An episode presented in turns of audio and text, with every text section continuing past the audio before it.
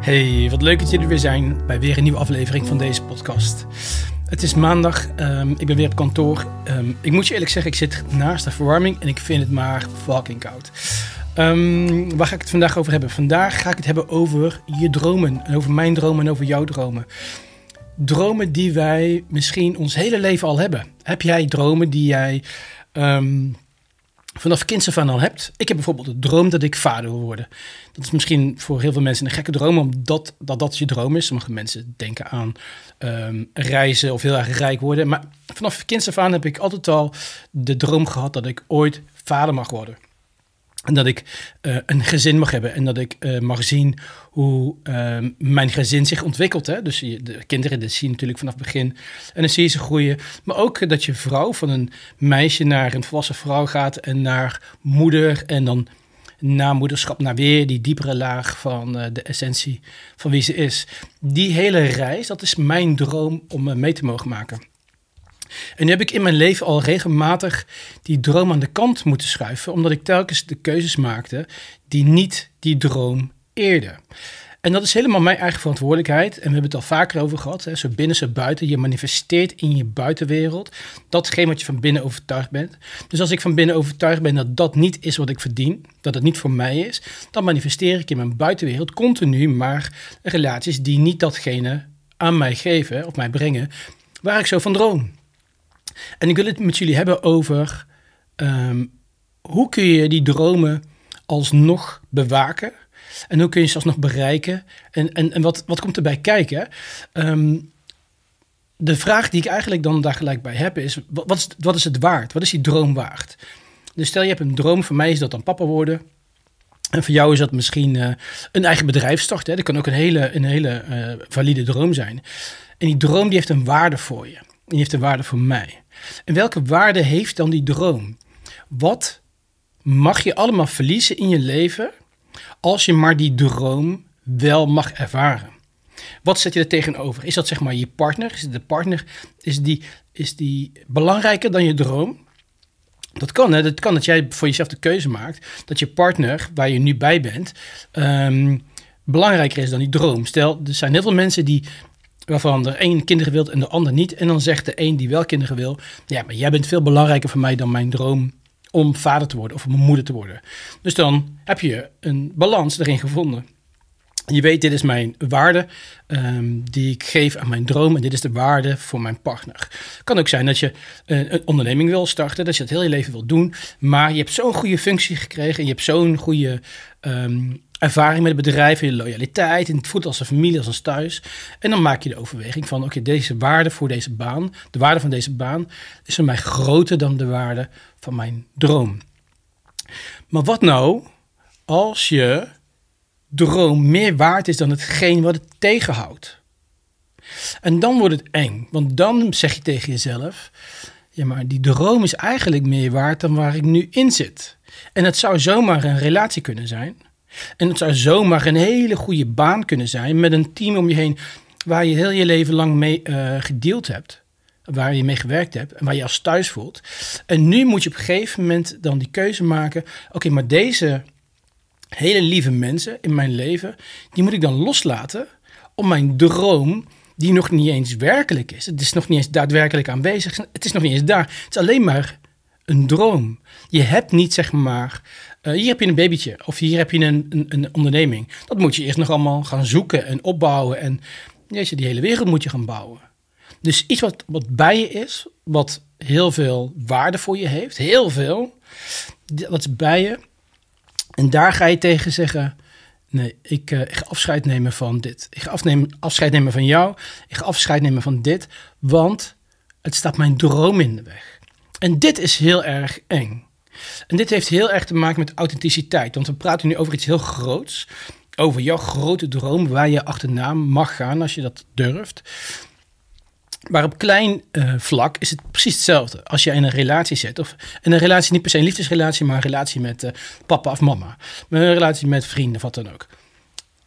En in plaats van droom is het zeg maar je behoefte, want een droom is ook een behoefte. Dus je, je, hebt zeg maar die hele grote droom en je, en je hebt de behoefte om die droom te ervaren. Maar ook in je normale relatie kun je een behoefte hebben. en een behoefte hebben die dan niet ingevuld wordt. En dan maak je voor jezelf intern de overweging, de mensen die nu bij mij zijn, die eigenlijk die behoefte dus niet invullen of niet vervullen. Hoeveel waarde geef ik aan die mensen? En zijn die mensen voor mij meer waard dan die behoefte? Of is die behoefte meer waard? En als die behoefte meer waard is, dan zou je dus moeten zeggen: de mensen die dus dit in de weg staan, daar moet ik dan afscheid van nemen. En dat is eng. En dat is de reden waarom heel veel mensen moeite hebben met authenticiteit, omdat het kost. Het kost zeg maar het risico. Het is nog niet eens een feit dat die personen weggaan, maar het, het kost het risico dat die personen, en misschien die baan of die, wat, wat het ook is, dat dat verdwijnt. En dat, dat is eng. Want als dat verdwijnt, dan hebben we die behoefte nog niet vervuld en die droom hebben we nog niet. Dan hebben we in principe niks, staan we alleen. Dan is het dat is eenzaam, onveilig. Oké, en dan komt eigenlijk de volgende vraag. Als ik niet authentiek durf te zijn over mijn behoeftes, omdat ik bang ben de ander te verliezen, wat, welk respect, welke waardering geef ik dan aan de mensen die ik bij me houd? Dus stel ik in mijn partner en die zegt pertinent: Ik wil geen kinderen. En ik wil wel kinderen. Maar ik ben bang om die persoon te verliezen, want ik hou heel veel van deze persoon. En daarnaast, ik sta in mijn eentje in het leven, zeg maar. Dus ik, ik, ik durfde niet. Ik durf niet authentiek te zeggen: Dit is mijn droom en daardoor moet jij aan de kant. Dat durf ik niet.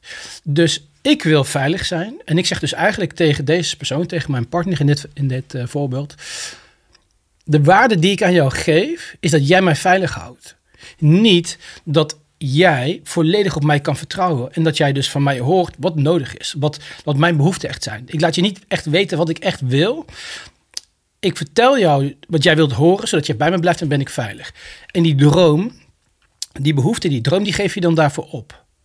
Dus je geeft niet ten eerste niet alleen maar jezelf minder waarde, maar je geeft ook de ander, minder waarde. Want je bent niet oprecht. En we hadden in de podcast van gisteren, volgens mij, of gisteren, hadden het over die circle of trust. En dit is eigenlijk een verlenging daarop. Maar waar ik nu naartoe wil met dit hele systeem, wat je als goed is eerder hebt gehoord. Die droom, die droom. Wanneer gaan we achter die droom? Wanneer bepalen wij voor onszelf die droom is wel zoveel waard. Het is het risico waard. Het is het waard om iedereen te verliezen die het in de weg staat. Het is het risico waard om uh, afscheid te nemen van die baan en van die vrienden en van die relatie. Dat is, dat is het waard. Dit is mijn droom. Dit is mijn. Uh, hier wil ik voor leven. Hier, hier wil ik achteraan. En het kan ook een studie zijn. Hè? Het kan ook een, een beroep zijn. Het kan van alles zijn. Het kan ook een wereldreis zijn. Whatever. Jij mag zelf bepalen welke droom dat is. Maar wanneer gaan wij bepalen waar ligt de grens dat hetgeen wat ons veilig houdt en de mensen die dus in de weg staan van die droom, dat we er afscheid van gaan nemen? Dat was eigenlijk de vraag. Ik zit even op mijn lijst te kijken of er nog andere vragen waren. Maar dat is de vraag die ik belangrijk vind dat we elkaar en onszelf stellen. Daar komt dus eerst de vraag: welke waarde hecht ik aan die droom? Daarna, wat durf ik ervoor te verliezen? En daarna, hoe authentiek durf ik ervoor uit te komen dat ik jou en deze baan en deze vriendschap en deze relatie hiervoor durf te verliezen? Dus hoeveel waarde hecht ik aan al die stukken en hoeveel lef heb ik om gelukkig te zijn? Dat, die zin die gebruik ik op mijn website. Hè. Dus ik, ik, help mensen die het lef hebben om gelukkig te zijn. Omdat dit zijn de vraagstukken die je, waar je mee moet dealen als je met mij werkt. Wat durf je ervoor op te geven? Wie durf je uh, aan de kant te zetten? Van wie durf je afscheid te nemen? Als het jou niet dient. Als het jou vasthoudt in die belemmering dat jij jouw dromen, jouw werkelijke leven niet kan um, ervaren. Wat durf je ervoor op te geven? En misschien moet je wel een deel van jezelf opgeven. Hè? Dus misschien moet je dus inderdaad naar jezelf kijken. De enige die die droom belemmert, dat ben ik zelf. En waarom is dat en wat is dat van jou waar je zo aan vasthoudt? En durf je dat op te geven?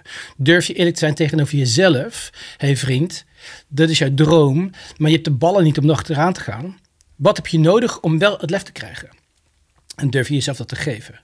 Oké, het is meer een open vraag in deze podcast, minder dan een les of een inspiratie um, hoe je hiermee om moet gaan. Misschien kom ik daar later op, maar ik vond deze vraag heel erg belangrijk om nu een keer voor te leggen, zodat jij misschien in je kopie ook eens na gaat denken van, hé, maar wacht even, ik heb een droom, en waarom ervaar ik die droom niet? En wat zijn de redenen dat ik dat pad niet op ben gegaan? Wie houdt dat tegen? Sowieso alle verantwoordelijkheid ligt bij jezelf. Maar wie heb ik op die uh, plek gezet dat ik dus niet naar die droom kan gaan. En waarom heb ik dat gedaan? Die vragen die mag jij jezelf vandaag stellen. Um, dit was weer een, uh, een uh, spreekbeurtje van, van mij vandaag. Met een vraag in plaats van met een uitleg. Um, en ik zie jullie morgen weer. Bedankt voor het luisteren en kijken. En tot morgen.